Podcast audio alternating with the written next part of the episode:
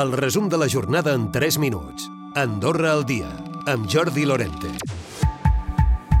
Andorra hauria d'acollir una xifra de visitants similar a la de l'any passat, uns 9,3 milions de visitants i turistes.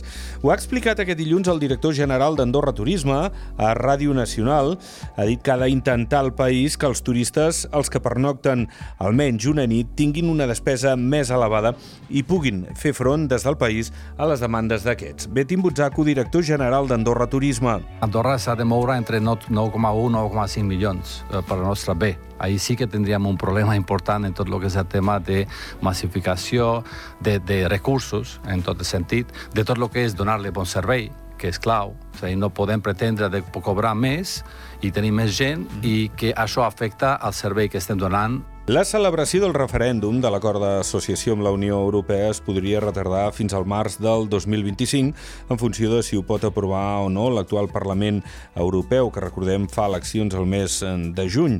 De fet, des del país el projecte s'està acabant de perfilar, com explicava el cap de l'executiu, Xavier Espot. La idea, en principi, és rubricar el text abans de que s'acabi el mandat de l'actual comissió i l'aprovació per part del Parlament, si es pot, que ho faci aquest Parlament, si no es pot, que això potser és més difícil que la rúbrica, llavors seria a la tardor. Això també pot canviar en funció doncs, de la lentitud de tots aquests tràmits administratius feixucs que actualment s'han de fer, no? de traducció, d'acabar de, de polir el text.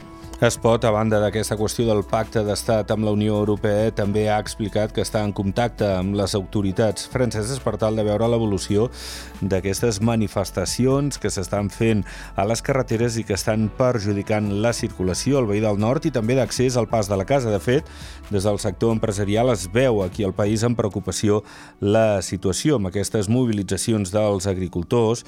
La Sol Rossell és directora de la Cambra de Comerç. Sí que ens ha arribat des del sector que estan molt preocupats, sobretot perquè aquest cap de setmana ha sigut un cas puntual, però que no es tornés a repetir. Llavors, en aquest sentit, sí que, sí que hem de posar una mica de, de mesures perquè realment ha sigut una afectació gran. Hem rebut totes les demandes i llavors ara, lògicament, hem transmès que és, que és una preocupació i que realment hem de, hem de trobar alguna solució perquè no es torni a repetir. Malgrat aquestes dificultats d'accés per les protestes dels pagesos i l'escassa neu generalitzada, el pas de la casa continua rebent esquiadors i, de fet, les previsions d'ocupació per al febrer són bones, com explica el cambrer del Boa Angola i el gerent de l'hotel Panda del Pas, Luciano Achaga i Jano Martiñó. Sigue viniendo, ya que también como somos el punto más alto, lo los que menos tienen, como Soldeu o Tarter, los hacen que vengan para acá. Eh, estem al 95% i més. Hi ha molt, bones previsions, eh? nosaltres estem molt contents. Si segueix així, eh, estarem ple. I xifra rècord de consultes, les que ha rebut el 2023 l'Institut Nacional de l'Habitatge. Són 868. Una bona part són sobre les pròrrogues del lloguer i la documentació que es necessita per demanar ajudes.